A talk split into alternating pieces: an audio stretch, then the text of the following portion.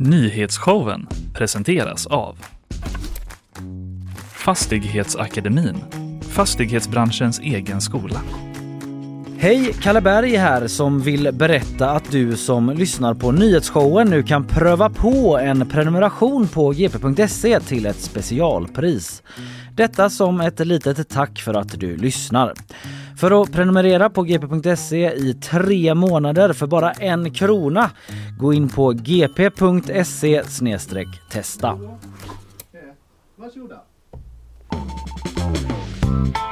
Hallå, hallå, hallå och välkomna ska ni vara till nyhetsshowen, eller guldshowen kanske man ska säga. Eller var årets eh, morgonprogram. Ja, det, det låter bra. Eh, det är Viktor Blomdahl ni hör här och eh, med mig sitter ju Karin Jansson. Hallå! Hallå! Kul! Och vi sitter ju här för att våra kollegor har eh, åkt till Stockholm. Mm, Och, huvudstaden. eh, Ja, och kammat hem pris. Ja, det är grymt alltså. Väldigt grymt. Men då får vi hålla ställningarna här under tiden. Ja, men ska vi bara berätta vad det är för något? De har vunnit Ja, Guldörat. gör det. Eh, det är Radioakademins eh, pris för, eh, i kategorin då årets eh, morgonprogram. Jättekul! Mm. Stort grattis till nyhetsshowen. Det ska firas. Jag hoppas att de har firat i Stockholm. Men vi har ju såklart ett program här eh, och vad har vi på agendan? Jo, vi ska ju komma med lite uppdateringar om vad som händer i Belgien och vad som händer i Israel. Och sen så hade jag tänkt snacka lite om Östersjön. Mm. Och Karin, eh, vad har du på agendan? Jag tänkte prata lite om det senaste om vägglössen som sprider sig över Europa. Eh, och sen mm, gå in lite på det här med att det är slut på att ta med medhavd matsäck till skolan. Okej, Mhm. ja, det är spännande. Sen eh, så får man till och med att vi har ju gäst också. Det ser jag fram emot. Ja, det är skådespelaren och eh, bioaktuella Lisa Lindgren som eh, kommer hit och ska beställa, berätta om Tillsammans 99. Just det. En eh, film som går på bio nu, en uppföljare till Ja. en riktig klassiker. Det kommer bli nostalgi här. Ja, och sen så har vi såklart eh, bakvagn och allt som hör där till. Eh, så att eh, det låter ju som en, eh, ett, en morgon det här. Ja. Men jag undrar, vad, hur mår du Karin? Jag mår bra. Jag fick en chock i morse, eller i natt då, som, man ju, som det ju är när man går upp när man ska sända det här programmet. Att det var tre grader ute. Det var kyligt. The winter is coming. Ja, verkligen. Och jag valde en liksom tunnare jacka än vad jag hade igår Mm. och jag vet inte riktigt hur jag tänkte där men Mm. den ser väldigt så här eh, fluffig och mysig ut men eh, eh, den var inte varm alls. Nej, inte. nej, nej, tyvärr. Nå, ja, men det är skönt att du eh, mår bra i alla fall. Jag mår bra. Eh, jag tycker att, eh, ah, nu kör vi igång. Nu kör vi igång.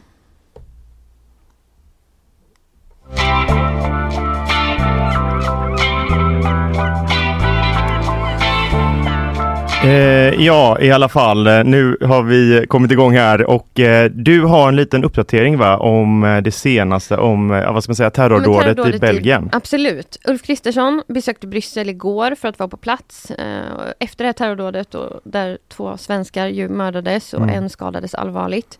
Han hedrade offren tillsammans med bland annat Belgiens premiärminister Alexander De Croo. Och det hölls en tyst minut för offren. Uh, Ulf Kristersson fick frågan då från pressen om han, han eh, trodde att terrorattacken hade kunnat undvikas om Belgien bara hade gjort ett bättre jobb i och med att eh, gärningsmannen vistades i landet illegalt. Men eh, då menade Ulf att han vet hur svårt det här är eftersom vi har exakt samma problem i Sverige, Just det. sa han. Eh, så han klandrar inte Belgien på något sätt. Eh, däremot att mannen har dömts för brott i Sverige menar han visar på behovet av ett starkare informationsutbyte mellan EUs länder. Mm. Och på den här pressträffen så blev det kanske inte helt oväntat en del fokus på EUs gemensamma migrationspolitik. Just det, det var en del prat om de yttre gränserna också va? Ja, Eh, från båda håll. exakt. Ja. Eh, både De Croo och Kristersson och van der Leyen betonade att gränserna måste stärkas och att det här är ett stort problem och att människor eh, som har nekats asyl vägrar återvända till sina hemländer då. Eh, för, det här, eh, för det vi känner till om 45-åringen ska sägas, det är att han kommer från Tunisien. Eh, hade bott illegalt i Belgien sedan hans eh, asylansökan avslogs 2020.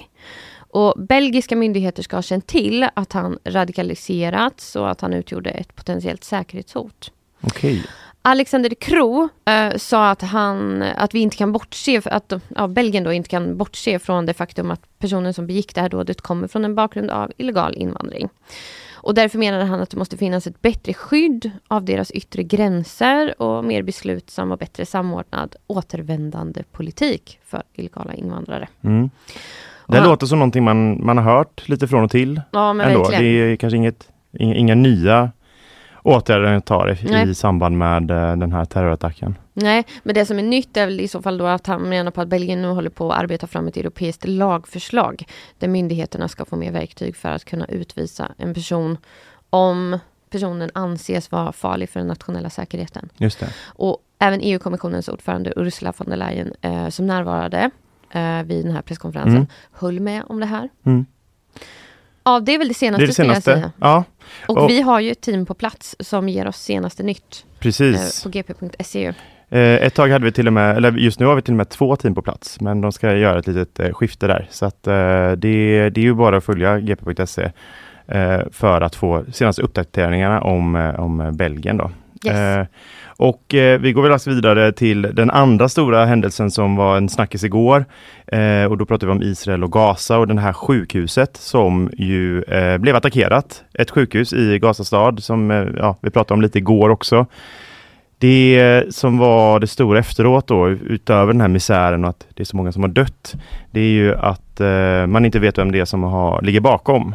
Eh, Hamas då i Gaza eh, skyllde ju väldigt snabbt på Israel och det gjorde även Hizbollah eh, i, som ju bland annat är baserad i Libanon. Eh, där utlyste man en vredens dag mot Israel igår och eh, jag vet inte riktigt om den här vredens dag gav så mycket eh, liksom, ringa på vattnet mer än att det var väldigt hårda ordalag då mot Israel. Och, eh, stora delar av arabvärlden har ju också backat upp de här eh, anklagelserna mot Israel och eh, alltså Israel har ju eh, bombat Gaza ganska mycket de senaste veckorna, helt Mm. klart. Och, eh, så att eh, man kan förstå att de går dit. Men Israel i sin tur eh, säger ju att det här var inte alls de som riktade liksom, vapnen mot sjukhus och civila, utan eh, de höll en pressträff igår där de eh, liksom presenterade bevis på liksom, skadorna runt omkring sjukhuset och liksom, hur, eh, hur den här raketen eller liksom, bomben hade, hade färdats som, som visar på, eller pekar på att det inte alls var dem utan istället gruppen eh, Islamiska Jihad som låg bakom. Eh, och eh, där har de använt sig av liksom radar och Mm. de bilder som finns tillgängliga för att bevisa detta. Eh, USAs president Joe Biden var ju på besök i Israel igår och eh, många undrar hur Israel skulle ställa sig till eh, den här attacken mot sjukhuset. Alltså Mm. hela världen har ju reagerat med avsky på det här med rätta. Och, men, men han sa till premiärminister Benjamin Netanyahu i Jerusalem igår att det ser ut som att det är den andra sidan som står bakom attacken, enligt honom. Amerikansk säkerhetstjänst håller med, ska ha analyserat också material som finns att tillgå och eh, pekar på Islamiska Jihad då, och den här gruppen då, eh, terrorgruppen som också då finns på Gazaremsan och enligt CNN är liksom en rival till Hamas bland annat. Men Mm. båda är väl enade i vad de tycker om Israel som stat. Eh, men eh, Islamiska Jihad har i alla fall sagt att det är falskt och grundlöst det här. Kommer det kunna, liksom, kommer det finnas någon opartisk instans som kan titta närmare på det här och liksom avgöra? Alltså det känns eh, ganska oklart. Eh, Man får inte glömma bort att det är ett väldigt stort mänskligt lidande orsakat av detta och ja, världen ser ju på nu. Och eh, det kan nog bli väldigt svårt att ta på sig den här attacken eller en, ens liksom Mm. Det är nog väldigt många som inte vill bära ansvar, vem det nu än är som bär ansvar för det här, för då kommer man få en ganska stor del troligtvis av ja, opinionen i världen emot sig. Liksom. Så att eh, ja, det är det senaste vi vet och eh, ordkriget då, eh, i brist på bättre ord, kommer nog fortsätta kring det. Eh, med det sagt så ska vi nog gå vidare.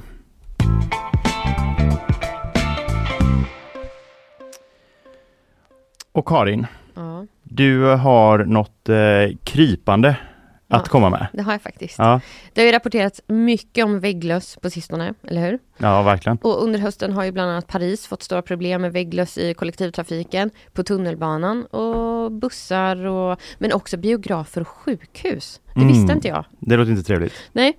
Eh, och man har tagit regeringen till hjälp för att eh, och, och eh, för ett par veckor sedan så skulle man kalla in en slags specialgrupp för att få bukt med det här problemet. Var tionde hem i Frankrike, läste jag, har haft eh, vägglöss under de senaste fem åren. Är inte det hisnande? Jo, alltså det börjar klia bara jag tänker på det. Ja men det börjar göra det. Sen är jag nyfiken på vad den här specialgruppen heter. Ja, det har jag. Task Force eh, Bedbugs. Vi, vi Ja, ska, fast på något franska kanske. jag hade älskat det, Ja. om det var så. Ehm, men, eh, ja, och England nu då, har också fått samma problem. Där ligger andelen eh, hem med vägglöss på cirka 5 eh, Och det sprids då via den här eh, Eurostar som går mellan eh, Paris och London. Där ser man på eh, sociala medier Mhm. hur folk filmar vägglöss krypa runt på sätena. Ja, det är så Oh. vidrigt. Eh, och med anledning av det här så fick svenska Anticimex i uppdrag att undersöka tunnelbanevagnarna i Stockholm för ett par Mm. veckor sedan. Man hittade ju då inga vägglöss. Nej. Skönt. Men en inspektionshund eh, vid namn Kalle, jag vet inte, det, Oj, ja, det han heter så. bra namn. kunde markera spår av vägglöss på blå linjen. Eh, troligtvis rörde det sig om levande ägg på en sätesdyna. Mm. Ja, så det kanske kryper häråt då. Bra hund. Eh, sån hund borde man skaffa. Verkligen. Ja. Och nu har det uppdagats då att ett äldreboende i Annedal i Göteborg. Det är Göteborg ju. Mm, Ja. Precis. Eh, redan i somras drabbades av vägglöss. Eh, det här kanske är en slump att det här händer Mm. i samma veva då, men det var en hyresgäst i alla fall som upptäckte insekterna i sin lägenhet och nu har det här rummet stått igenbommat. Eh, och eh, Anticimex har varit där och lagt ut någon form av kisel för att lössen ska eh, dö. Jag gillar inte det eller? Nej, jag antar det. Nej. Och saneringen kan då ta sex månader. Så det här kommer ta tid. Mm. Eh, och man tror att de här vägglössen har kommit in om en hyresgäst eller besökare till boendet. Okej. Och nu kanske man kan tro då att vägglössen ökar även här i Sverige. Ja, det men, kryper ju närmare känns det som. ja, men Anticimex skriver att företaget har genomfört 10% färre saneringar av vägglöss i Sverige jämfört med 2022. Så eh, kanske faktiskt ska tona ner att det liksom inte är så Mm. eh, så alarmerande här just nu i alla fall. Men vem vet, som eh, Karl sa för eh, fem minuter sedan, om, om några månader, kanske, några veckor kanske vi bara pratar Mm. vägglöss. Jag tycker att Karl ska ta ett ansvar och skaffa in lite kisel till eh, studion här. Ja, och en hund. ja, och en Och hund, som heter Kalle. Ja, vet. Bara för säkerhets skull liksom. Det har varit härligt. Precis. Sen vet vi ju också att vägglöss eh, kommer, kommer in till eh, våra hem genom att vi reser och att vi köper begagnade grejer, möbler. Mm. Så om du reser, vet du vad du ska göra då Viktor? Nej, ingen aning. Eh, då ska du, jo det tror jag du vet. Men vi säger ändå, du ska lägga upp resväskan uppe på eh, en byrå eller ett skrivbord. Så att det blir lite krångligare för dig när du semestrar. Ja, ja, ja. Och eh, ja, nej det var väl det jag hade om vägglöss just nu i alla fall. Mm. Men... eh, Köp inga finkuddar i Paris. Nej, och jag vill väldigt gärna lämna den här stolen känner jag bara för att allting med tyg bara känns... Ugh. Ja, Men eh, trevligt, tack för den uppdateringen. varsågod.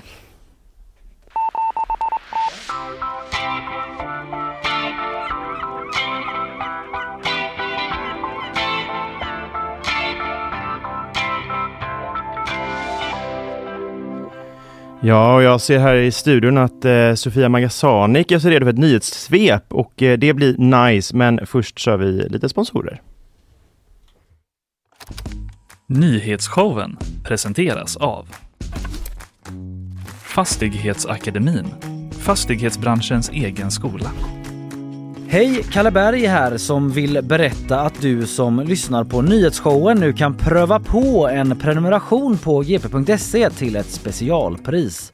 Detta som ett litet tack för att du lyssnar. För att prenumerera på gp.se i tre månader för bara en krona, gå in på gp.se testa. Ja men toppen, toppen. Tack för de fina eh, orden eh, från våra sponsorer. Eh, nu är Sofia här, Magasanik. Hallå! Hallå! Hur är läget med dig? Jag har inte riktigt sjungit upp idag, känner jag. Jag har inte tagit mina skalor. Vill du göra det nu eller? Eller ska vi, ska vi bara köra ett eh, nyhetssvep istället? Vi chansar, ni får leva med det. vi kör! Under onsdagskvällen greps en man i 25-årsåldern på Järntorget. Mannen är nu misstänkt för att ha sexuellt antastat en kvinna och sedan misshandlat en man. Enligt ett vittne på plats ska mannen plötsligt ha blivit aggressiv och sedan försökt fly på treans spårvagn där han blev omhändertagen av polispatrull. Den misstänkte gärningsmannen har sedan försatts på fri fot. En hjullastare körde in i en juvelarbutik i Trollhättan under tidig torsdagsmorgon. Nu söker polisen efter en eller flera gärningspersoner som lämnade platsen i en svart kombi. Ingen är i nuläget gripen men polisen har flera patruller som ska ha placerats ut på strategiska platser. En svensk toppmilitär sitter anhållen misstänkt för grov obehörig befattning med hemlig uppgift, rapporterar Expressen. Toppmilitären och hans fru har gripits vid en Säpo-razzia i Stockholmsområdet under tidig tisdagsmorgon. Fallet är omgärdat av så sträng sekretess att Säpo sköter bevakningen och kontrollerar även de misstänktas mat. Det är locket på, har kammaråklagare Mats Ljungqvist uppgett i en intervju. Ja, spännande, spännande. Alltid när det är liksom militärer som eh, liksom grips på olika sätt. Eh, tack för det Sofia. Eh, du kommer tillbaka sen igen om en stund. Tack så mycket, det gör jag. Då hörs vi då. Vi. Ja, vi går vidare helt enkelt. Vi går vidare. Trodde jag och gjorde en sån här grej. Alltså det är så många knappar att ha det är där så många va? knappar va? Ska du berätta lite? Eh, ja, nej, men det är massa olika färgskalor och eh, swipes och så. Eh, men eh, vi... Eh, Du har en blå som betyder att, eller vad, vad är den som är, vad är bumpen? Är det blå? Eh, röd, Röd. Eh, precis. Tryck inte på den här, fast eh, nu ska jag nog ändå göra det. Vi går vidare och eh, nu ska vi snacka om någonting som kanske för en fellow göteborgare inte alltid är det varmaste om hjärtat. Vi ska prata om Östersjön. Mm. Mm. Ehm, Dött hav. eh, precis, fel sida av Sverige helt enkelt. Eh, osalt och eh, tradigt. Och, Fördelarna är att du ing, inga djur fuckar med en. Mm, nej, Man kan, man kan mm. bada i fred. Eh, ja, men kan man det? Det finns ju andra grejer som härjar i Östersjön. Eh, det finns en historia här. Eh, det har funnits vikingar och pirater och olika sjöslag som härjat Mm. kring eh, östkusten. Under världskrigen så var det olika flottor som smög runt och eh, det har också skett flera tragedier i Östersjön. Eh, Estonia-katastrofen är ju inte långt ifrån att diskutera där. Och på senare tid så är det klart att det är något fuffens som pågår i Östersjön. Ja, jag använder ordet fuffens. Det tycker jag är helt rätt här. Vi vet ju alla, Ja, eller vad, vad tänkte nej, du? Nej. Kör. Vi vet ju alla vad som hände förra året med gaskablarna i Nord Stream. Ja, Eh, eller kan du dra en liten... Jo, det tänker jag såklart göra. På två ställen så exploderade det i den här gasledningen mellan Tyskland och Ryssland. Eh, och de här explosionerna skedde liksom strax utanför Sverige och Danmark. Vi såg ju alla spektakulära bilder på gas som bubblade upp innan eh, ledningen var helt tum då, eh, på gas. Det. Och detta fick ju, detta ägde rum samtidigt som en liksom energi, ett energikrig fördes kan man säga mellan EU och Ryssland med anledning av sanktionerna mot Ryssland på grund av kriget i Ukraina. Ukraina. Ja, det, det känner man ju till. Eh, och sen, Och komma fram till vilka som låg bakom den. nej, det är ju det, det, pe- det pekas ju till höger och vänster va. Det finns ju utredningar som har pekat på att det kan vara Ukraina som ligger bakom. Det finns ett gäng som pekar på Ryssland eh, som ju liksom vill pressa Europa med gas, eh, att man inte lever- levererar gas längre. Och Tys- Ryssland tycker också å sin sida att, eh, att det är västvärlden som inte hjälper till i utredningarna, att det, det är väldigt låst liksom. Och det är mystiska skepp som har funnits där. Men utredningen pågår och där har jag egentligen ingenting nytt. Men det som är nytt är att det är en annan kontrovers som dragit igång i botten av Östersjön. Det är inte bara fisk, maneter och bräckt vatten som hänger där. Utan eh, förra veckan så eh, berättade Finland och Estland att de har något skall på linjen, bokstavligt talat. Mhm. Det är gaslinjen Baltic Connector som går mellan länderna och där har man också upptäckt en gasläcka. Vad är det för kabel? Det är en gaskabel. Det är en gaskabel som går då mellan Finland och Estland. Mhm. Eh, så att den är inte alls lika stor och omfattande som Nord Stream, men det är ju ändå eh, en viktig ledning såklart. Eh, och eh, den här går ju över, rakt över Finska viken, där ju även Ryssland eh, finns, med Sankt Petersburg och eh, är runt 151 kilometer lång. Oj. Förra tisdagen, då höll statsminister Petteri Orpo ut, jag vet, måste inte säga det med finlandssvensk det. dialekt, men nu gjorde jag det. Ja. Eh, eh, han gick i alla fall ut i en presskonferens och misstänkte att yttre påverkan ligger eh, bakom de här skadorna och att eh, Mhm. det här verkar inte vara en olycka som har skett.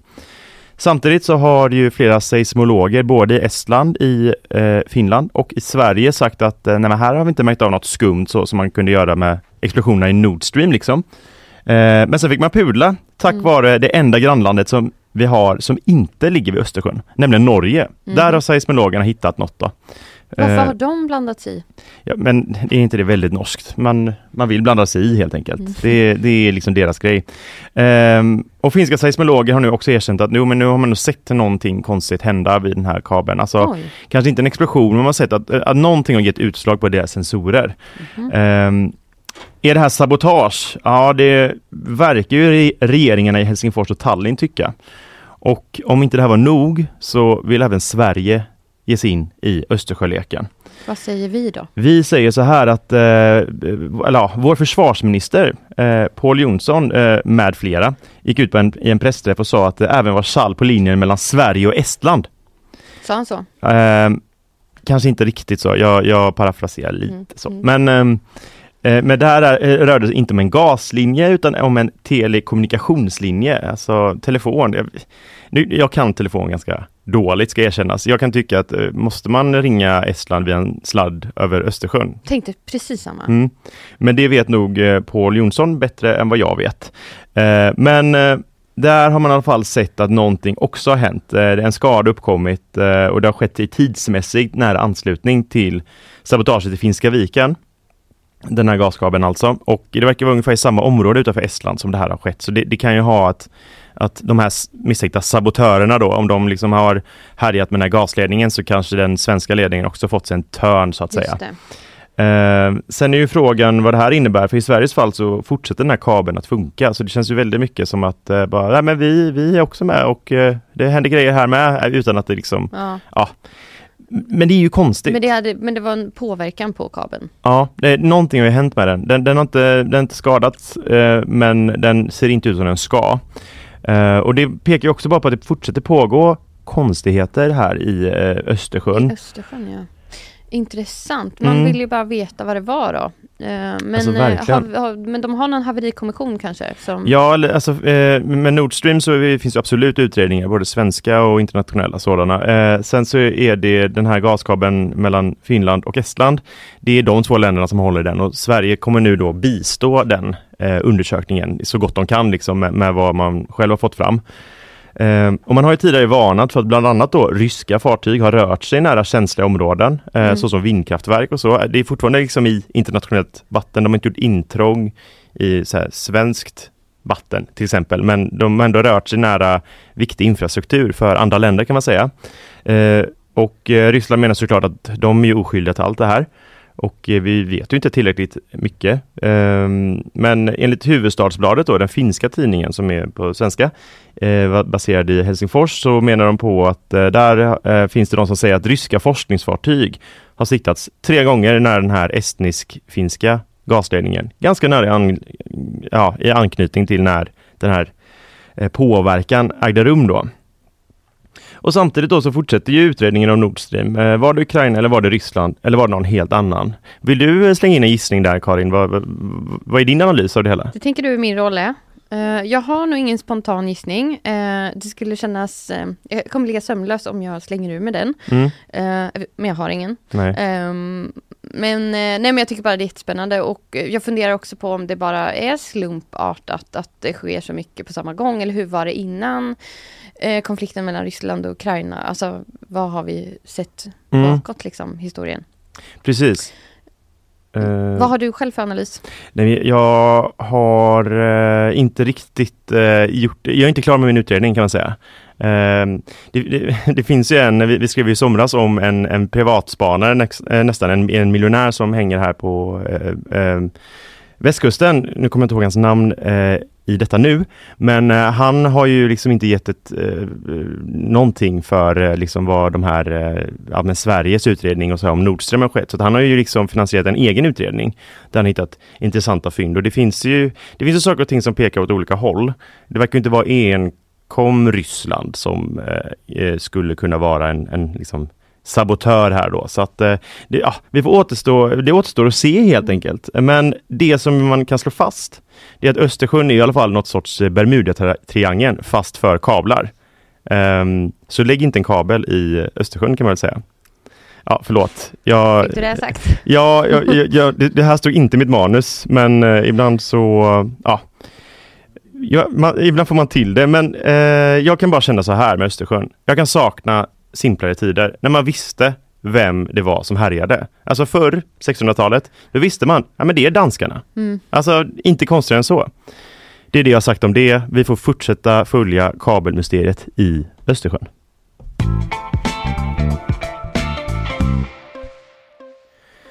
Vi väntar på en gäst, eller hur? Ja, det ska ju stämma. Eh, och eh, vi eh, ska alldeles strax få in henne. Eh, men hur tycker du att det går för oss? Vikarier som vi är. Alltså jag känner att vi är vikarier, men jag, vi har ju trevligt. Och eh, än så länge går väl ljudet ut och det är väl det, är väl det viktigaste. Det är, väl- det är väl huvudsaken i alla fall. Aha. Ja, det, är absolut. inte, det är inte tyst i radion. Nej. Men eh, va, vi gör oss redo för gästen helt enkelt tycker jag. Ja. Ja.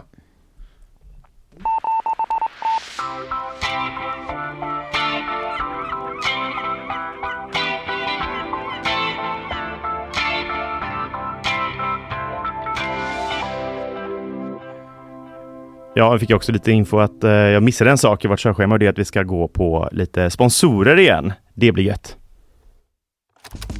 Nyhetsshowen presenteras av Fastighetsakademin, fastighetsbranschens egen skola.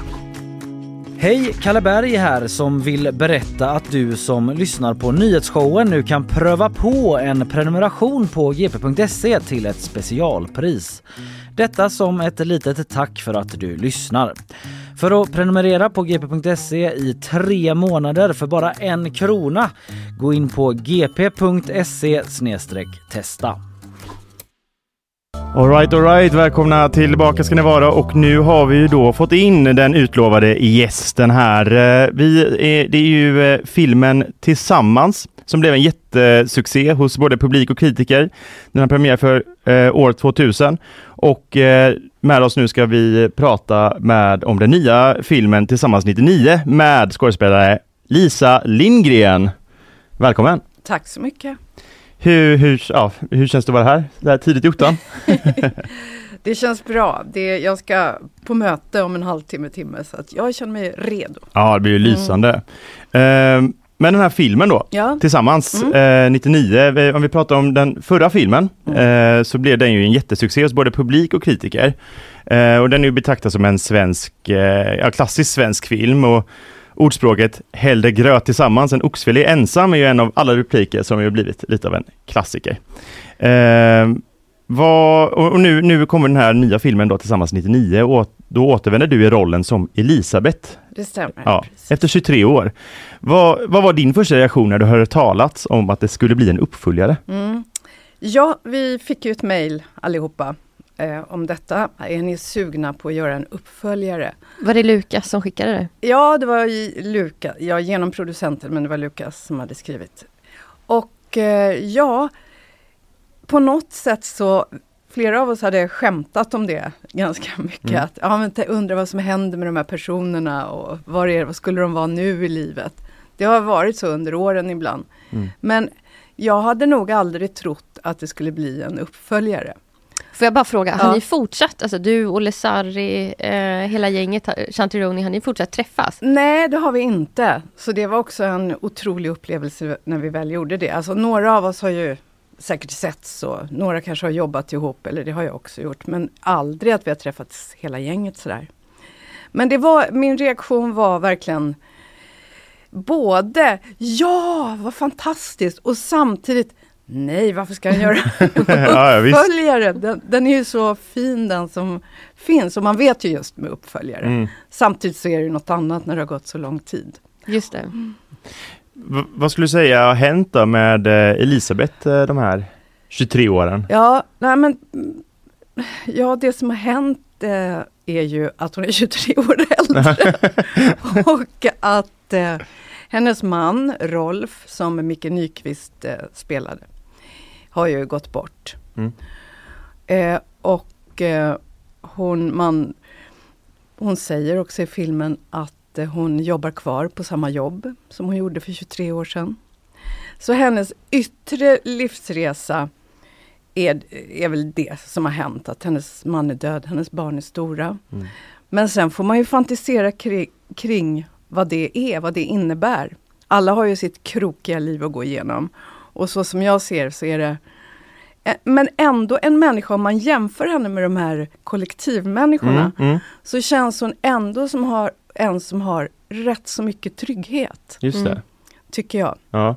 Jag vet inte om vi har förklarat för lyssnarna just Mm. vad Tillsammans går ut på, men det är ju ett kollektiv då och nu eh, som, som levde ihop. Under sju- Eh. 70-talet som första Ja, filmen ju. Precis, 1975 Mm. så var det ett kollektiv och Just det. Elisabeth, min karaktär, kom ju till kollektivet för att hon hade blivit misshandlad av sin man och åkte sin, till Just sin det. bror Göran som eh, var en av grundarna till Mm. det här kollektivet. Och le, hon lever ett helt annat liv som ja, arbetarklass i förorten och kom till det här vänsterkollektivet. Så redan där är det ju en skillnad på henne och eh, Verkligen. Mm. Och, de och, andra. och nu gör de då en, en återförening. Ja, ja. precis. Och det finns bara två kvar i kollektivet. Som ju, som ju är Göran och eh, vad heter Shanti Ronnys roll? Klasse. Klasse. Klasse som Mm. sitter och väver, eller hur? Ja, Mm. det är de två kvar. Eh, alltså, det är, ju, det är ju speciellt att göra en uppföljare som du själv var Mm. inne på. Mm. Eh, vad skulle du säga att den här filmen ger oss tittare då? Alltså, det var ju ändå en tydlig berättelse och en tydlig story eh, när Tillsammans kom, eh, 99 eller 2000. V- Mm. vad berättar den idag, den, den här filmen? Skulle du säga? Ja, jag tror att den berättar olika för olika människor. Men det som jag har hört och det som människor kommer fram och säger till mig, det är att de blir överraskade av tidens gång. Att var det 23 år sedan jag såg Mm. den första filmen? Har jag levt i 23 år till? Vad har hänt med mig? Jag tror, man blir, jag tror att det kan vara en spegel Mm. att eh, tiden har gått.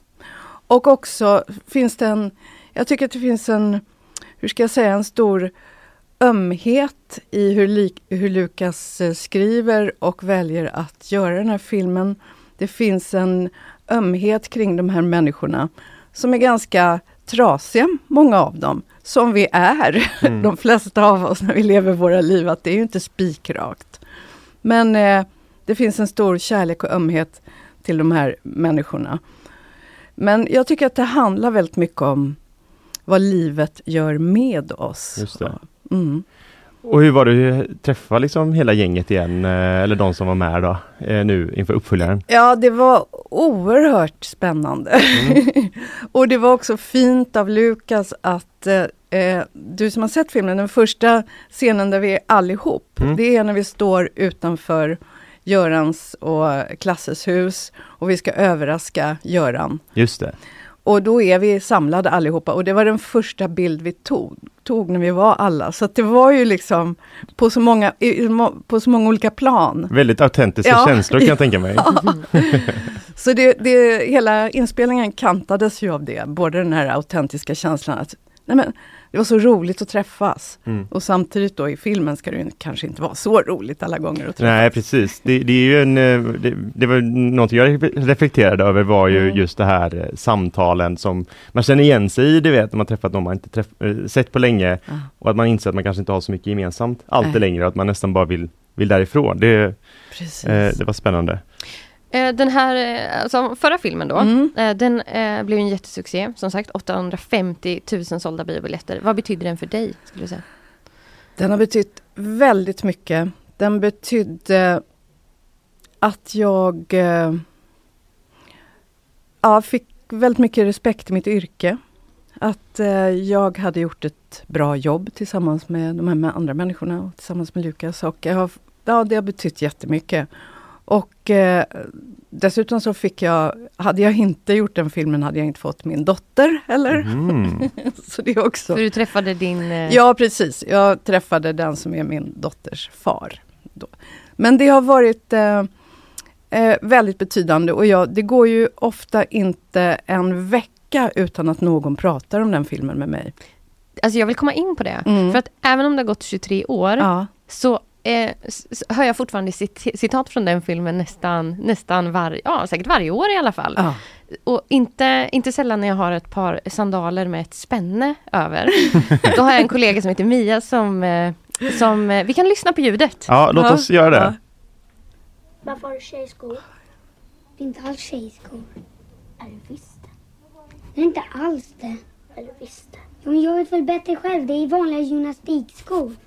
Nej, det är tjejgymnastikskor. Inte alls det. Ser du inte det? Ser du dåligt eller? Nej, det är tjejskor. Jävla fascist! Visst blir man varm? Verkligen. Otroligt citat. Åh, Och, det var, är så fint. ja, och det, han som eh, mobbas lite där kan man ju Mm. ändå säga, det är då hans, han spelade ju din son. Ja, precis. Han är inte med i den här uppföljaren. Nej, barnen är inte med. Eh, jo, Henrik Lundström är med som spelade Grannsonen. Grannen. Mm. Mm. Men inte mina barn. Nej, saknar du dem i filmen? Eh, inte när jag väl var där, men jag tänkte på det mycket innan. Därför att jag tyckte att eh, såklart var ju Micke Nyqvist och de här barnen en stor del i min berättelse i första filmen. Vad tror du har gjort då, att det har satt sig så? Satt sådana spår i oss, eh, de här eh, citaten och referenserna? Dels tror jag att temat är uni- universellt, att man längtar mycket. Den här, det här citatet som ni drog först, det här Mm. med att eh, hellre äta gröt tillsammans än oxfilé ensam.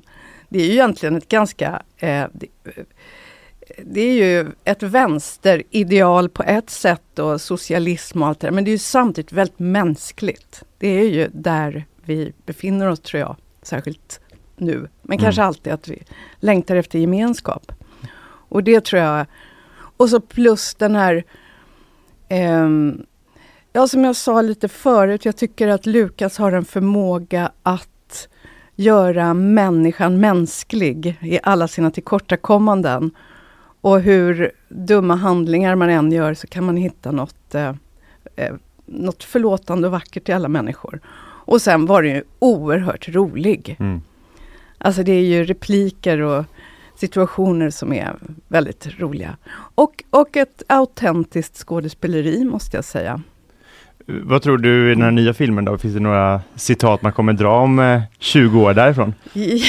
Och vilka blir det i så fall? Oj, det, det har jag ingen aning om. Men eh, jag tycker väldigt mycket om ett citat i slutet. Nu vet jag inte om jag kan det ordagrant, men där Klara Kristiansson säger eh, Alla är ett föl. Ja, just det. Ja, men det minns jag. Och ett föl, eh, hur gammalt blir ett föl? Ja, men det blir nog så här 200 år, eller 2000. Men Mm. hon, hon nej men det är väldigt fint i slutet där. Och det är ju en grötscen. Ja, ja, precis. Man kanske inte Ja. ska avslöja allt. Nej, men, men, men det är väl också mycket, det, Ja. det, det är att man är nyfödd nästan. Va? Ja, och liksom, precis. Trots som om man är vuxen så... hur man bara- mycket man än har gått igenom så är man det där lilla sköra fölet. Jag tycker det är väldigt fint. Mm. Men andra filmen är ju inte som första såklart. Det har ju gått de här åren Mm. och det gör också att det är en, på ett sätt en, en lite mörkare film men samtidigt väldigt rolig. I. Ja, för jag tänkte komma in lite på det Mm. också. Att det, det, det handlar ju mycket om förändrade ideal. Och, och finns det några ideal som hade förändrats hos er i gruppen alltså, nu då? Alltså vad, rent politiskt? Eh, Hur? Menar du oss som skådespelare? Nej, nu menar jag hos eh, ja. eh, karaktärerna. Ja, ja. Framförallt hos Olle Sarris Ja. eh, karaktär. Men jag tror inte man ska Nej, man ska avslöja inte göra för det. mycket faktiskt. Vi går inte in men, för mycket på det. men visst, det gör det ju. Det här utspelar sig 99 och det har ju hänt mycket i världen. Och bland, när människor går från 30 till 50 plus så händer det också ganska mycket. Men inte för att avslöja för mycket heller där då, men jag, jag var ju nyfiken på också, Elisabeth eh, gjorde ju tillsammans med en av de andra som var då, gästade här, var ju ute på ett litet eget äventyr när eh, mycket annat hände i själva kollektivet. Vad, hur kom det sig att hon stack iväg på det, ja, den utflykten så att säga? Jag tror att hon eh, var ganska, kände sig ganska utanför i gruppen när hon, alltså på den här återträffen och inte så hade, upplevde att hon hade så mycket gemensamt helt enkelt. Mm. Och jag tycker att det är en ganska fin grej de gör. De, de väljer ju faktiskt att gå därifrån. Ja, men det ska man väl inte heller Nej, avslöja. nej, prata om det här. Ehm, jag tänker, du var lite inne på, du nämnde Mm. själv att din motspelare eh, i första filmen Mm. var Mikael Nyqvist, Mm. eller han som spelade din man då. Mm. Eh, han gick ju tragiskt bort 2017. Eh, och vi, sak vi saknar honom ju i den här filmen såklart. Men vad har det betytt för dig att du inte har honom som motspelare? Jag tyckte först när frågan kom att eh, det väcktes ju känslor och eh, undran. Hur ska, hur ska Lukas, innan jag hade läst manuset, hur ska Lukas hantera det här och hur ska... Men det jag tycker är gjort med stor omsorg och jag tycker att han finns med i andra filmen genom Elisabeth och genom saknaden av honom och att han nämns. Mm. Så jag tycker att Mikael Nyqvist som karaktären Rolf finns kvar. Ja, det är fint ändå. Mm. Eh, toppen, men, men eh, man får helt enkelt ta och se den här tillsammans 99 tycker jag. Det tycker jag verkligen!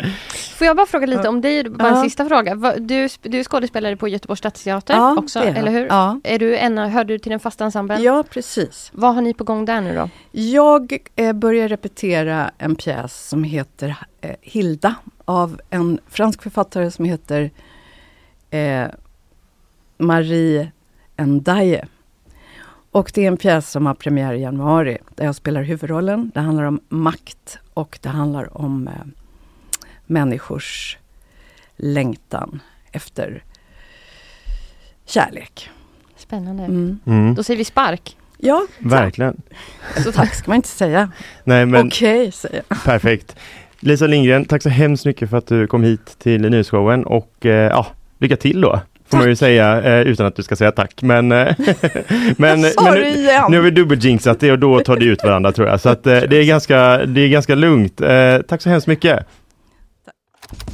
Nyhetsshowen presenteras av Fastighetsakademin, fastighetsbranschens egen skola. Hej, Kalle Berg här som vill berätta att du som lyssnar på nyhetsshowen nu kan pröva på en prenumeration på gp.se till ett specialpris. Detta som ett litet tack för att du lyssnar. För att prenumerera på gp.se i tre månader för bara en krona, gå in på gp.se testa. Ja, det var alltid lika rörande ord där från våra sponsorer. Mm, eller hur? Ja, och eh, häftigt eh, att få träffa eh, Lisa Lindgren tycker jag. Supermysigt. Ja. Man kastas tillbaka 23 år. Verkligen. Du, och det, ja. Mm. du, du har något på hjärtat. kastas tillbaka 23 Exakt. år. Kommer du ihåg när vi var små man hade med sig matsäck på utflykterna? Alltså ja, det var ju något av det bästa. Man fick liksom singoalla-kex och pastasallad och saft när Det det, var typ vardag. Ja. Ja, det var, det var ju supermysigt. Mm. Och man satt på en buss och åt där ofta, minns jag. Jag hade ofta mjölk i en sirapsflaska med skruvkork. Det låter som en klassiker. Ja, det kanske Ja. var det. Min kompis Elin hade alltid så lyxiga baguetter från Statoil. Jag var alltid lite avis. Men nu är det slut med medhavd frukt och matsäck på skolorna. Eh, I, I Göteborg i alla fall. Ja. För det här är ett av uppdragen i de rödgrönas budget för nästa år. Det, det handlar ju då om frågan om en avgiftsfri skola och vad som ligger i det begreppet, eh, det verkar vara lite oklart. Mm. I alla fall för Göteborgs kommunala grundskolor och förskolor. Och därför har grundskolenämnden och förskolenämnden fått särskilda uppdrag att se till att det här lagkravet efterlevs. Mm. Så barn ska inte behöva med sig frukt till fritids eller behöva packa matsäck till utflykter. Eh, Vänsterpartiets Daniel Bernmar här i Göteborg säger att det skapar ett vi och ett dem. Man delar upp människor och man delar upp barn. Mm. Okej. Så istället nu så ska eh, skolor flagga inför eh, kommande utflykter till eh, skolmatsalen. Eller som ni säger här i Göteborg, Bamba. Viktigt. Eh, mhm, som se, sen får eh, förbereda mat som kan tas med. Samma sak gäller då frukt.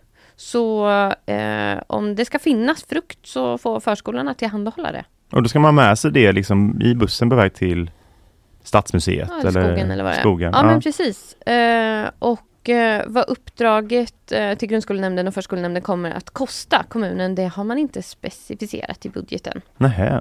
Det är okej. Vad tänker du om detta?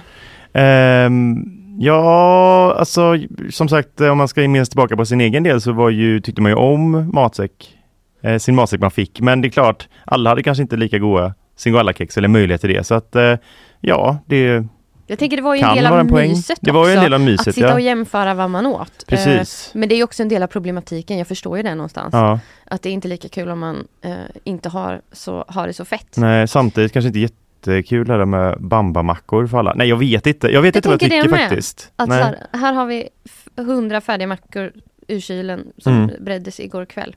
Men det är ett ilandsproblem. Ja, verkligen.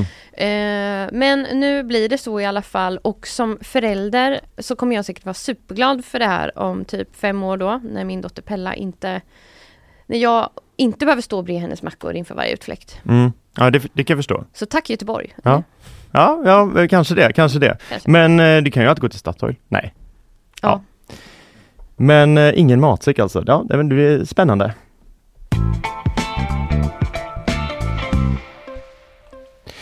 Och vi går vidare till, eh, ja, vi har ju pratat om så mycket spännande saker nu. Eh, så nu ska vi ta någonting som alla tycker är ännu mer spännande. Ja. Vi ska prata om klimatet. Mm. Mm, klimatmålen, det vet vi ju här på GP att det engagerar ju folk jättemycket. Mm. Eh, det bara klickas på våra artiklar om klimatet. Nej, men det är en väldigt viktig fråga såklart. Men det är så svårt i och med att det är ganska abstrakt också att, att ta till sig liksom. Verkligen. Eh, men igår var det i alla fall dags, eh, som vi märker nu, kylan som vi pratade om eh, förut, att eh, dra in över Sverige. Och så verkar det vara över Sveriges nuvarande klimatmål med. Regeringen har ju kritiserats en hel del för sin eh, klimatpolitik eh, och i den senaste budgeten så kunde ju till och med regeringen erkänna, alltså finansminister Elisabeth Svantesson och klimatminister Romina eh, Pourmokhtari, att utsläppen kommer att öka med den budget man har satt. Men man menar ju att ambitionerna för hur utsläppen ska minska till framförallt då 2030 ändå ska finnas kvar. Och för att kunna då bukt på det här då så har man ju tillsatt en utredning som nu är klar och presenterades igår. Eh, det är en ekonomiprofessor, John Hassler, som stod där med klimatministern då, eh, eh Romina Pourmokhtari, eh, och eh, presenterade det här. Och eh, då handlar det bland annat om hur man ska nå då EUs mål för att eh, minska utsläppen med 55% till 2030. Eh, vet du vad den, eh, det målet heter lite catchy på EU-vis? Nej. Nej, den ska heta Fit for 55. Oj. Ja, där har de verkligen eh, spenderat lång tid för att eh, göra det så catchy som möjligt. Eh, det här är i alla fall förslaget då i utredningen eh, är ju då hur man ska klara det här, de här EU-gemensamma målen eh, med 55 procent. Eh, de nuvarande klimatmålen för Sverige, om inte de slopas, men eh, de ligger på 63 procent till 2030. Så det är, Alltså 63 procent eh, ja, minskning liksom. minskning Mm, av utsläpp. Precis, liksom. Och alla Eh, möjliga utsläpp. Eller- fossila. Uh, nej men det är ju, ja, men det är ju fossila uh, överlag liksom, absolut.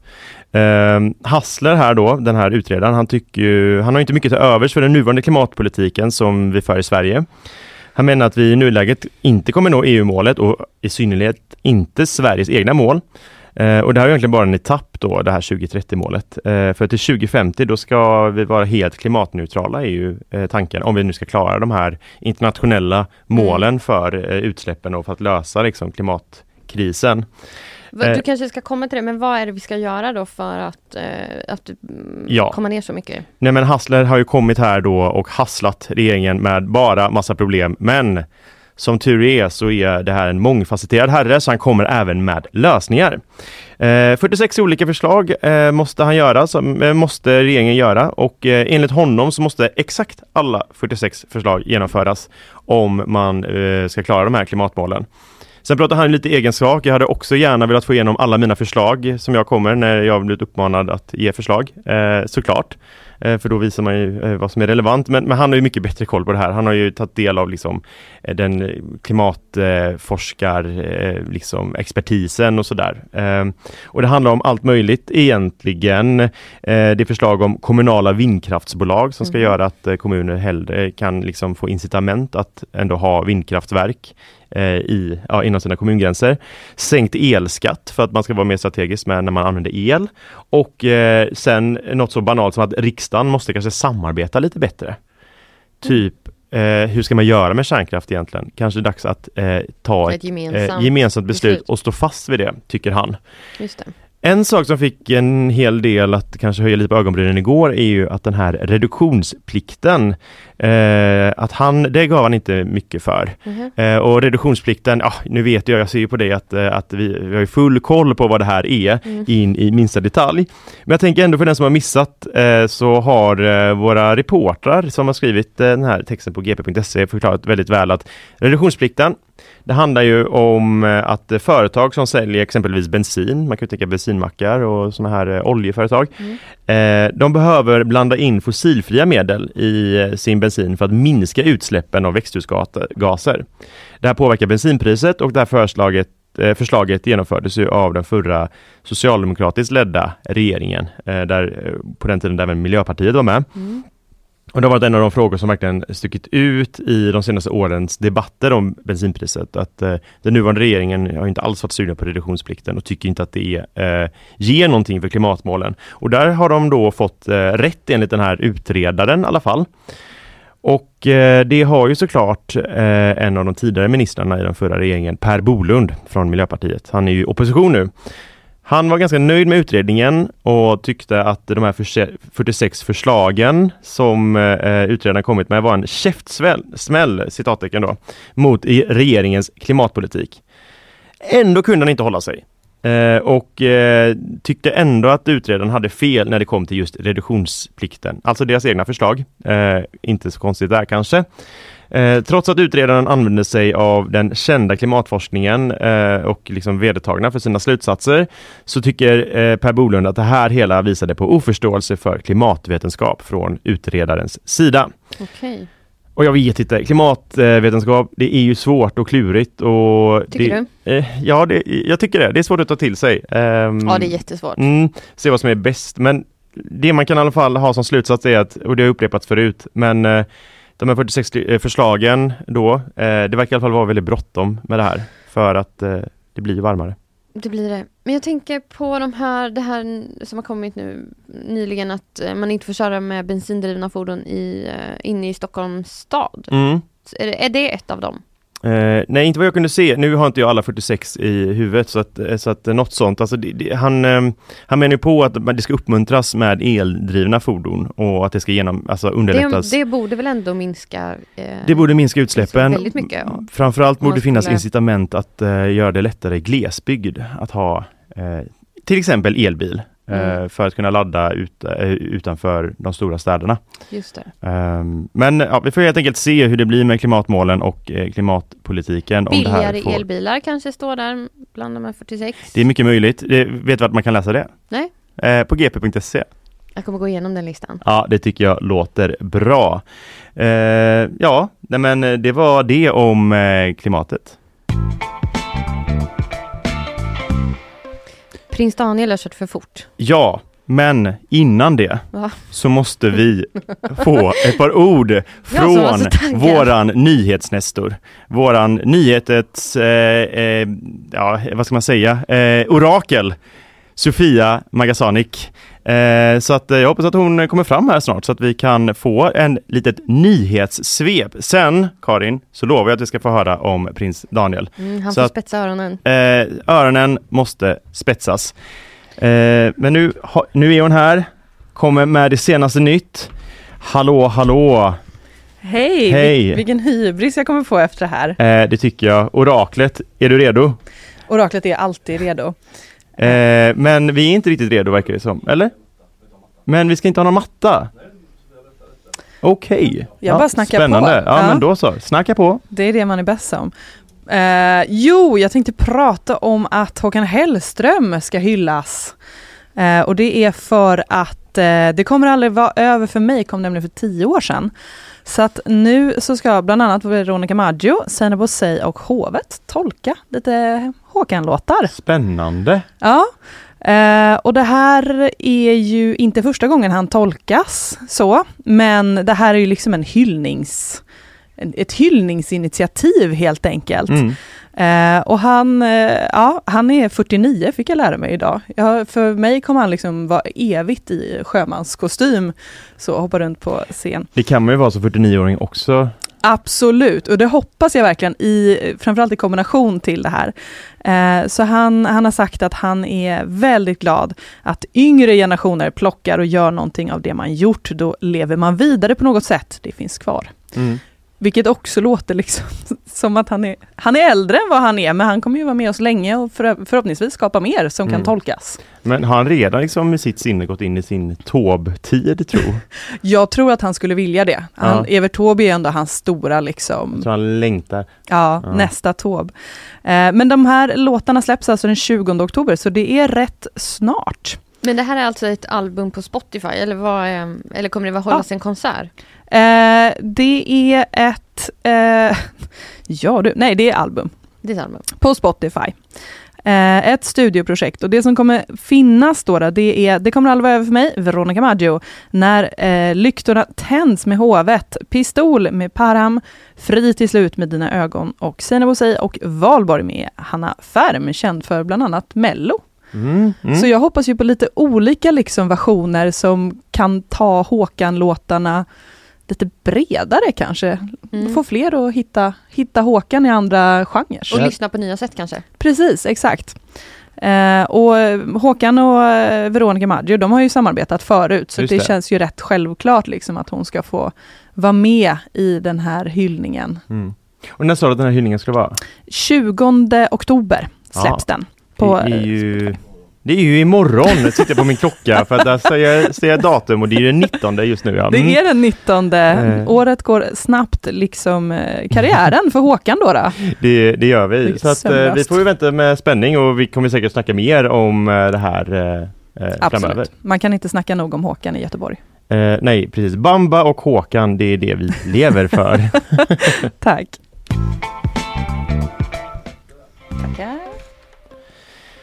Nu, Är du redo för Karin. en liten hovnyhet nu eller? Eh, ja, från hovet till hovet. Exakt. Mm.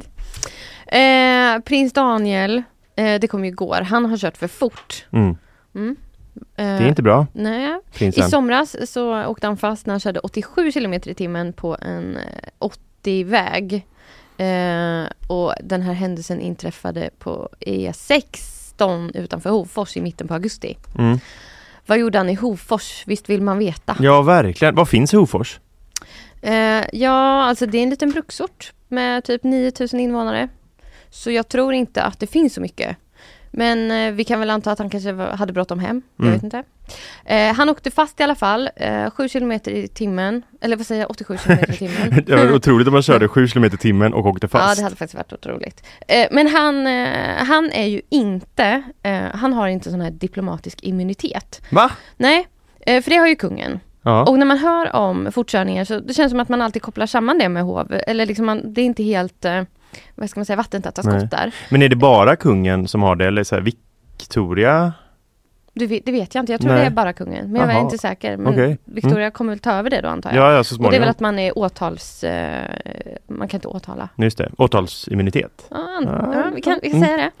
Eh, men eh, som sagt, för, för kungen har ju kört för fort en del. Eh, det skrivs, har det skrivits om i omgångar. Eh, men som sagt, Daniel, han kommer straffas. Han får betala 2000 kronor. Mm. Mm. Eh, är det egen ficka eller kommer man ta det från eh, apanaget? Apanaget kanske. Jag vet inte. Nej. Apanaget är väl någon slags egen ficka. Mm, men har du någon egen eh, förmögenhet också, får man hoppas? Eller? Eh, ja, det, jag vet faktiskt inte. Nej, nej. är ett annat va- program, varför skulle du? Ja, nej precis. Har du kört för fort någon gång? Eh, alltså, eh, vad ska man säga? Nej, inte officiellt. Nej, vad skönt. Mm. Jag hade faktiskt en kompis som åkte dit på en sån fartkamera. Och på bilden så tittar han ut genom sidorutan och äter glass. Oj! Ja, Det, det, jag ska se om jag kan eh, ta fram den bilden. det är också väldigt, eh, sådana bilder har man ju sett, eh, jag har sett det även på min stora syster har fastnat vid någon sån kamera och alltså det, man ser ju inte klok ut när man kör, alltså det är ju det är ju den där blixten och mörkret och jag vet inte, det är Ja, och inte man ser alltid, jag tror man, man, man ser nog kanske lite mer stressad ut ibland än vad man känner sig, att man känner sig ganska cool när man står där och kör- kör och sen ser det något filbyte och så är det liksom uppspärrade ögon och så Lite bara som bam. vi ser ut nu under den här morgonen. Eh, ja, precis, exakt. Eh, nej men det är kul det här med ursäkter också, vad, vad, man, vad man har för ursäkter till polisen och sådär. Mm. Jag har eh, min syrras eh, kompis, eh, de, de, det var ett par, de, eller är ett par, de försökte skaffa barn. Mm. Och han var i Stockholm och hon var i Skåne för han låg ute på jobb. Mm. Och hon hörde av sig och sa att hon hade ägglossning. Okej. Så han jobbade väl på där sista timmarna och sen så bara burnade han ner mot Sk- Skåne och blev eh, eh, åkte fast. Mm. Eh, blev stoppad och berättade att min, min fästmö har ägglossning. Och polisen släppte honom. Så han, han blev, han, han sa jag måste få ligga.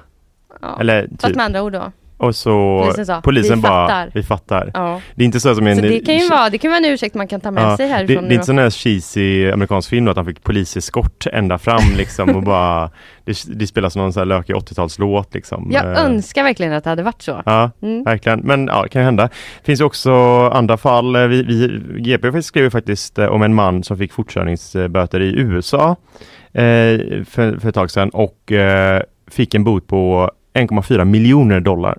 Oj. Mm, motsvarar då 15 miljoner svenska kronor och eh, han blev nog lite spak när han såg detta. Eh, fick kontakta de lokala myndigheterna eh, men där fick han förklaring att det var, visade sig vara en reservavgift. Den fast, eh, faktiska summan ska senare fastställas i en domstol och då kommer det inte bli mer än kanske typ 11 000 svenska kronor.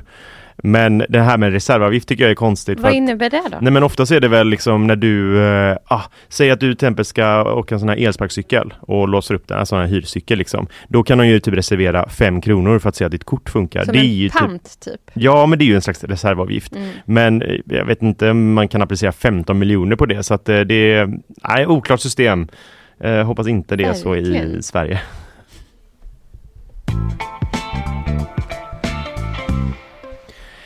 Du eh, Karin, Mm. vi börjar ju väldigt tidigt idag. Mm. Eh, hur gör du när du eh, sätter larmet? Liksom, vad är din strategi? Är det larmet då, eh, ringer, du går upp direkt eller hur? Eller Framförallt liksom, så har jag två telefoner jag sätter larm på ifall den ena dör. Du är en sån ja. Mm. Ja, eller om det är viktigt. Mm. Liksom. Som den här morgonen. Just Hade två mobiler på. Och sen så lite olika tider. Ja, men lite olika tider. Men det är inte för att jag ska snosa. Det är för att ifall jag skulle stänga av i sömnen. ah, okej. Det, det händer dig eller? Mm, nej, det händer jättesällan. Men i förr tror jag jag kunde göra det. Ja. Eh, men nu, nu är jag ju en ansvarstagande kvinna som Mm. går och lägger mig i tid. Så jag, nej, det brukar inte hända. Nej. Hur Eh, gör du? eh, jag, jag är en snosare.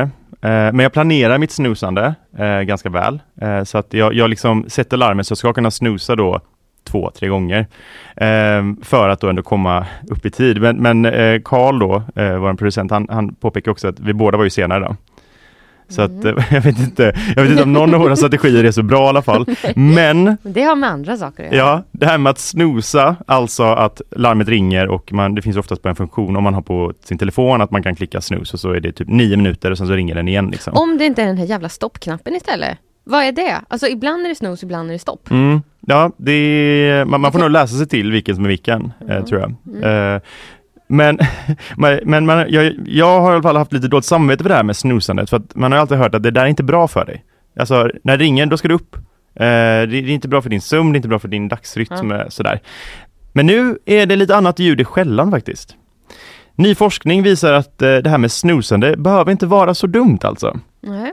Det är Tina Sundelin som forskar vid psykologiska institutionen vid Stockholms universitet som nagelfarit detta och hon, eh, hon säger dels eh, till oss då och i många andra medier att eh, hon har ingen aning om var de här rönen kommer om att snusandet ska vara dåligt. Det verkar bara vara någonting folk har fått för sig liksom. För det har ju liksom inte gjorts någon direkt forskning på det här förrän hon då eh, tagit det här ansvaret. Och det har vi alltså gjort då. Så i första del så har man frågat 1700 personer i Sverige, men också i USA, Kanada, Australien, hur de eh, gör när de liksom sover och hur de vaknar. Mm. Eh, och eh, då var det flera som sa att de snusade och eh, varför de fick de ju berätta då varför de gjorde det och hur länge och hur ofta sådär. Ehm, och väldigt oväntat så drog hon slutsatsen att det är unga vuxna och kvällsmänniskor som snusar. Ehm, det kanske inte är jätteoväntat på ett sätt. Nej, för de är tröttare på morgonen. Eh, exakt, exakt. Och jag kan väl ändå s- sälla mig till den gruppen då. Ehm, men eh, i det här nästa delen av forskningen då så tog hon, ja, rekryterade hon 31 vad som det kallas för dedikerade snusare.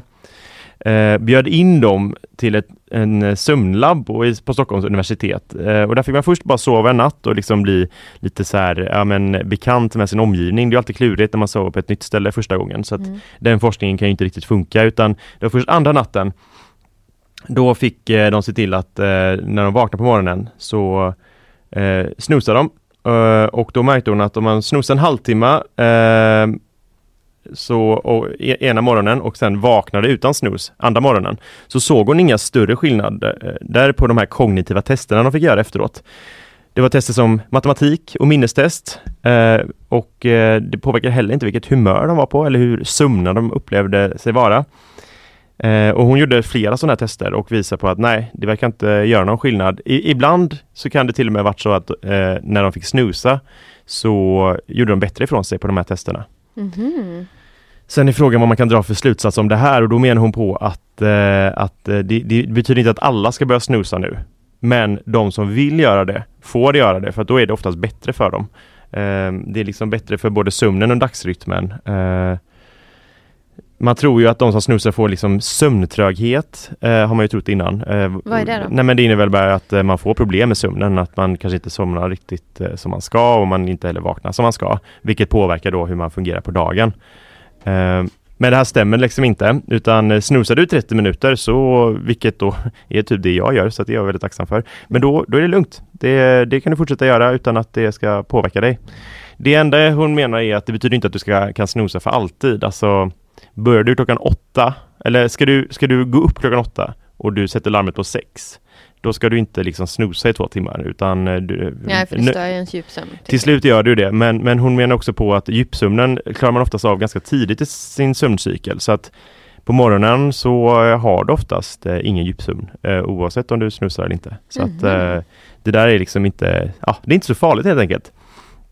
Ehm, så, Det är en otrolig känsla att få somna om i alla fall. det är otroligt. Ehm, och eh, ja, det kommer jag vilja göra snart igen tror jag.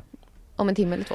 Ja, men, ja, kanske inte riktigt, men, eh, men jag, ska, alltså jag ser fram emot nästa snooze i alla fall. Framförallt med de här nyheterna, då kommer jag snusa gott. Eh, Ja, alltså jag har tittat lite närmare på det här med blodgrupper. Har du koll på vilken blodgrupp du har? Alltså jag tror det, men det är ju bara baserat på liksom de här testerna man gjorde i åttan, i kemin, nej biologin Mhm, gjorde blir det såklart. Ja, vi gjorde det. Och då har för mig att jag har den här, eh, vad, är det, O eller noll eller vad det heter. Nolla. Jag har också nolla. Är det så? Ja. Ja, vi är nollor. Plus. Positiv noll. Ja, Positiv nolla. Så, så bra vet jag inte. Jag vet bara att eh, man kan inte få blod från någon, men man kan ge till alla typ. Så Mm, att, men så det är är ju lite nitlotten. Vet du, nu har de ju sett att de här blodgrupperna, olika blodgrupperna kan ha skyddande effekt mot olika sjukdomar. Mhm. Eh, bland annat så tycks blodgrupp B ha en skyddande effekt mot njursten. Okej. Eh, blodgrupp A utgör en riskfaktor hoppla, eh, för cancer i bukspottkörteln. Menar inte att skrämma upp någon nu, men det är vad man har eh, fått fram här då. Blodgrupp 0 skyddar mot olika slag av blodproppssjukdom. Å andra sidan så drabbas kvinnor med blodgrupp 0 ofta av högt blodtryck under graviditeten. Ha, Ja, kul.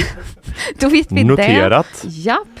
Eh, eh, ja, och anledningen till att man har kommit fram till det här, och det, har, det är en forskargrupp som har tittat på det här eh, och eh, man reder ut lite också varför, eh, varför vi har så många olika varianter av blodgrupper. Mm.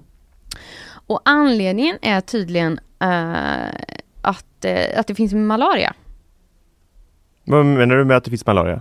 Mm, det står så här, den stora drivkraften till att vi har olika blodgrupper verkar framförallt vara malaria, berättar eh, den här Okej. överläkaren på Jaha. Region Skåne som har tittat på det här. Han förklarar att utvecklingen av olika blodgrupper, eh, olika varianter av ma- malaria, sannolikt har gått hand i hand i en så kallad koevolution. Mhm. Mm. Så malaria är en jätteviktig sjukdom globalt där, där ju majoriteten av de som får det dör, sorgligt Mm. nog. Och, och de, de flesta är barn. Och därför har människor under evolutionen anpassat sig till den här sjukdomen. Just det. Och liksom eh, fått olika Mm. Ja, blodgrupper. den har funnits så länge såklart så att det blir, Ja, precis. För den märks här, av liksom Ja. på evolutionen. Precis. Mm. Och den här malariaparasiten de måste bryta sig in i de röda blodkropparna för att eh, göra oss sjuka och därför har vi ändrat de molekyler på cellytan. Det blir väldigt vetenskapens värld här. Men, eh, Men det eh, är intressant tycker jag. Ja, ja men ganska. Så, så det är anledningen till att vi är olika blodgrupper och spännande också som sagt att vi, vi har lite olika skydd där då. Mm. Det var ju mycket, det diskuterades ju eh, en del om under Covid pandemin. eller? Ja, jag tänkte precis på det. Vilka- För då var det väl vi, det är väl bra för oss? Var. Nollor? Jag tror ja, jag tror var det. det. Man blir Mm. inte så svårt sjuk. statistiskt eh, vill man minnas att, eh, att man, man kom fram till att, att man var mindre benägen att bli svårt sjuk i Jag tror det covid. var så. Mm. Det var det jag hade om Ja. blod. Men jag läste, för jag tror att jag läste samma artikel och där snackar de ju också om eh, att det finns liksom lite andra blodgrupper som är väldigt, väldigt ovanliga. Eh, Ja. Berätta. Nej men jag bara eh, hörde eller läste och det, ja, men var väldigt nyfiken på, alltså det finns något som heter P Mm. som är ovanlig. Eh, det, det är liksom så ovanlig att eh, det är liksom de, de, de personer som har den här upp, blodgruppen kan eh, bli uppringda eh, liksom runt om i världen för att säga bara nu behöver vi ditt blod. Typ. Mhm. För att det, ja, det är så ovanligt. Eh, jag försöker läsa till här för att ehm, eh, va- vart den här P finns då, men det ska bland annat finnas eh, precis ungefär 40 personer eh, i Västerbotten i Sverige som har blodgruppen eh, P. Varför just Västerbotten? Det är oklart men i hela världen finns det totalt några hundra personer bara med den här blodgruppen. Ehm, och eh, det, alltså jag, man har ju bara hört om de här fyra traditionella blodgrupperna i olika form. Liksom. Men att det, man nu helt plötsligt ska blanda in en eh, ny bokstav, det tycker jag är fascinerande. Eh, ändå. Och eh, det stannar inte vid P. Det finns även en eh, annan blodgrupp som är VEL. Mhm. Hit hör personer som saknar blodgruppsproteinet SMIM1 som i sin tur då bär antigenet VEL. Ja, detta protein och det här upptäcktes av en forskargrupp 2013 ehm, att det här proteinet normalt sett finns på röda blodkroppar. Så att alltså, man, man verkar ju upptäcka nya former lite då och då i alla fall. Mycket ovanliga såklart, men så att vi kanske inte har den värsta nitlotten ändå, för jag vet inte hur det ser ut med eh, den här P-gruppen då. Kan de, bara, de kan nog bara få av varandra och då är det ju jobbigt om man liksom drabbas av någonting där man behöver blod. Ja men verkligen. Mm. Ja, eh, det, är- det är blodiga nyheter här, eh, men det är ju väldigt spännande. Vi går vidare till eh, något annat som ligger oss varmt om hjärtat. Eh, vi ska gå tillbaka till lite kryp nästan. Mhm. Eh, alla eller eh, vad ska man säga, eh, havets eller vattnets kryp. Eh, invasiva arter ska vi snacka om. Ja, för att det är så här att nu har man hittat en till invasiv art i Sverige. Och eh, den är, det är en kräfta vi ska prata om då. Och det är Mälaren, så det är fortfarande, jag, jag vet inte varför jag vill gå österut hela tiden. Det är Östersjön och det är liksom det ena med det andra. Men en aggressiv kräfta har i alla fall hittats i Mälaren. Eh, och eh, jag vet inte varför alla de här invasiva arterna ska vara så aggressiva hela tiden. Kan det inte komma någon snäll invasiv art som bara liksom kanske inte hör hemma här men liksom bara du vet inte konkurrerar ut massa lokala arter utan bara liksom lever lite i symbios mm. Mm. med varandra. Det, det hade väl varit trevligt men nej, inte den här kräftan. Aggressiv som få. vad gör Eh, den då? vad sa du? Varför är den aggressiv? Vad gör den då? Ja men det här är en mälkräfta. Ehm, och det, mälkräftor vet vi är aggressiva. Eh, nej men den äter ju upp då eh, massa bös som andra ja, eh, djur behöver. Mm. Den äter upp maten för de inhemska mälkräftorna. Mm. Ehm, de lever strandnära i sjöar och större vattendrag eh, och den påverkar även andra smådjur som finns där. Det säger Karin Nilsson, gruppchef och expert inom sötvatten vid konsultbolaget Sweco. Men i min värld finns det två kräftor som är i sötvatten och det är eh, signalkräfta och flodkräfta. Mm. Hör den här till någon av dem? Nej, det är, tycks inte så här. Det här verkar vara, eller alltså, nu vet jag inte om det här är en underart i och för sig, det ska jag faktiskt erkänna. Att eh, så, så bra kan jag inte i, vad heter det, terminologin eller taxologin när det kommer till kräftor. Men den härstammar i alla fall eh, inte i Sverige eh, eller Östersjön utan den, den är mer vanlig runt Svarta havet Mhm. och eh, det Kaspiska havet. Har man tagit med sig kräftor hit då? Eh, det har man gjort eh, och eh, oftast kanske det transporteras vattenvägen i, det här är ett ord jag aldrig riktigt kan uttala, men ballastvatten, ballastvatten, Mm. ballastvatten, ja i alla fall från fraktfartyg. Mhm. Det säger också Karin Nilsson här. Tidigare har man hittat den i Litauen, Polen och Tyskland och eh, man har då eh, i Sverige har vi en lista med åtta olika arter av invasiva mälkräftor Okej. där risken bedöms vara hög för att de etablerar sig i svenska vatten.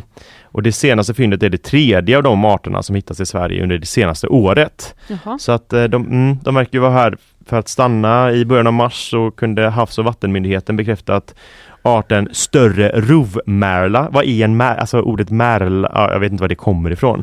Men det är i alla fall hittat i Vätterns strandzon. Oj då. Och några veckor senare konstaterades ett där fynd. har de ju flodkräftor. Mm. Eh, och in, sen, senare har man också sett det i Tullingesjön i Botkyrka och sådär. Det är inte riktigt västkusten då. Eh, Nej. där har vi våra eh, Havskräftor. havskräftor. Tack gode gud för det. Ohotade. Men Eh, alltså, ja, är det vet så... jag inte om de är men... eh, Nej, kanske inte. Det ska vi inte slå fast. nej. Men jag tycker också sådär, vad är, vad är problemet då? Om det blir en invasiv art som tar över, de kanske är jättebra. Signalkräftan eh, finns ju i många sjöar eh, Mm. runt om i Sverige. Är ju jätteuppskattad, god att äta. Precis, Eh, men kanske hade varit tråkigt men om de över. blev eh, utkonkurrerade, eller? Ja fast den är ju invasiv. Ja, den är också... Ja, ja. det är du- mm. flodkräftan som tror jag hotas. Ja, det stämmer nog. Du kanske ska Eh, ta hit en expert någon gång. Ja, du, men, du menar att eh, det inte räcker med att vi sitter här och halvgissar eh, baserat från den här TT-artikeln jag läser till? Ja, kanske, kanske. Vem vet? Vi kanske ska låta det här sätta punkt egentligen. Vi låter det. Eh, det tycker jag. Eh, med det sagt så är jag klar med eh, mitt eh, kräftsnack. Härligt. Och jag är klar. Då kör vi så här. För det var det vi hade för idag. Helt enkelt. Eh, det har ju varit en ganska intensiv eh, nyhetsshow en dag. Guldnyhetsshowen. De har ju vunnit Guldörat. Eh, eh, eller ja, vi då får man väl säga. Men vi är ju bara lite inhoppare för Kalle, Fanny, Linnea och Verkligen. Ina. Och imorgon är de äntligen tillbaka i studion igen. ja, precis. Eh, och eh, vad, ja, vad har du pratat om egentligen idag Ja, men jag har pratat om att det är slut på matsäck i, till, med sig till skolan. Nu ska Göteborgs stad stå för det. Eh, jag har pratat om Ulf Kristerssons besök i Bryssel eh, efter terrorattacken. Och eh, ja, men lite det ena och det andra. Just har det. du pratat om? Vi fick en liten uppdatering också om eh, vad det är som sker med det här sjukhuset i Gaza som attackerats. Det är fortfarande väldigt många som pekar på varandra. Israel pekar på Islamiska Jihad och eh, Hamas och Hizbollah pekar på Israel. Och det är väldigt stor upprördhet runt om i världen för att det är väldigt många oskyldiga civila offer som har dött och skadats i eh, denna ganska hänsynslösa attack. Då. Eh, men det återstår att se om det är, rör sig om något misstag eller vad det är som har skett här. Sen har jag också snackat om att det pågår något skumt i Östersjön. Många kablar som eh, har eh, strykit med i någon form av sabotage, både mellan Finland och Estland och mellan Sverige och eh, Estland och Tyskland och Ryssland och ja, en, en, ett gäng stater som är med. Precis. Och sen Eh. har vi haft lite eh, stjärnglans i studion också. Ja, vi har haft gäst Lisa Lindgren snacka här om sin film Tillsammans 99, eller sin film, filmen hon är med i. Eh, eh, otroligt spännande. Det är en återförening från den förra filmen Tillsammans som kom år 2000. Eh, och så har vi haft lite bakvagn också. Vi har snackat om invasiva kräftor och eh, om Blodgrupper blodgrupper. Ja, just och det. fortkörning. Ja, det finns mycket att lyssna på i efterhand om man känner för det. Ja, helt klart. Men eh, vi tackar för oss idag då. Eh, kul det här var Karin. Ja, det var här får, det här får vi göra om. Ja, kanske Ja. om vi får. Ja, verkligen. Vi kollar lite nervöst på eh, Karl, eh, producent Karl där borta och så säger vi tack för idag. Tack.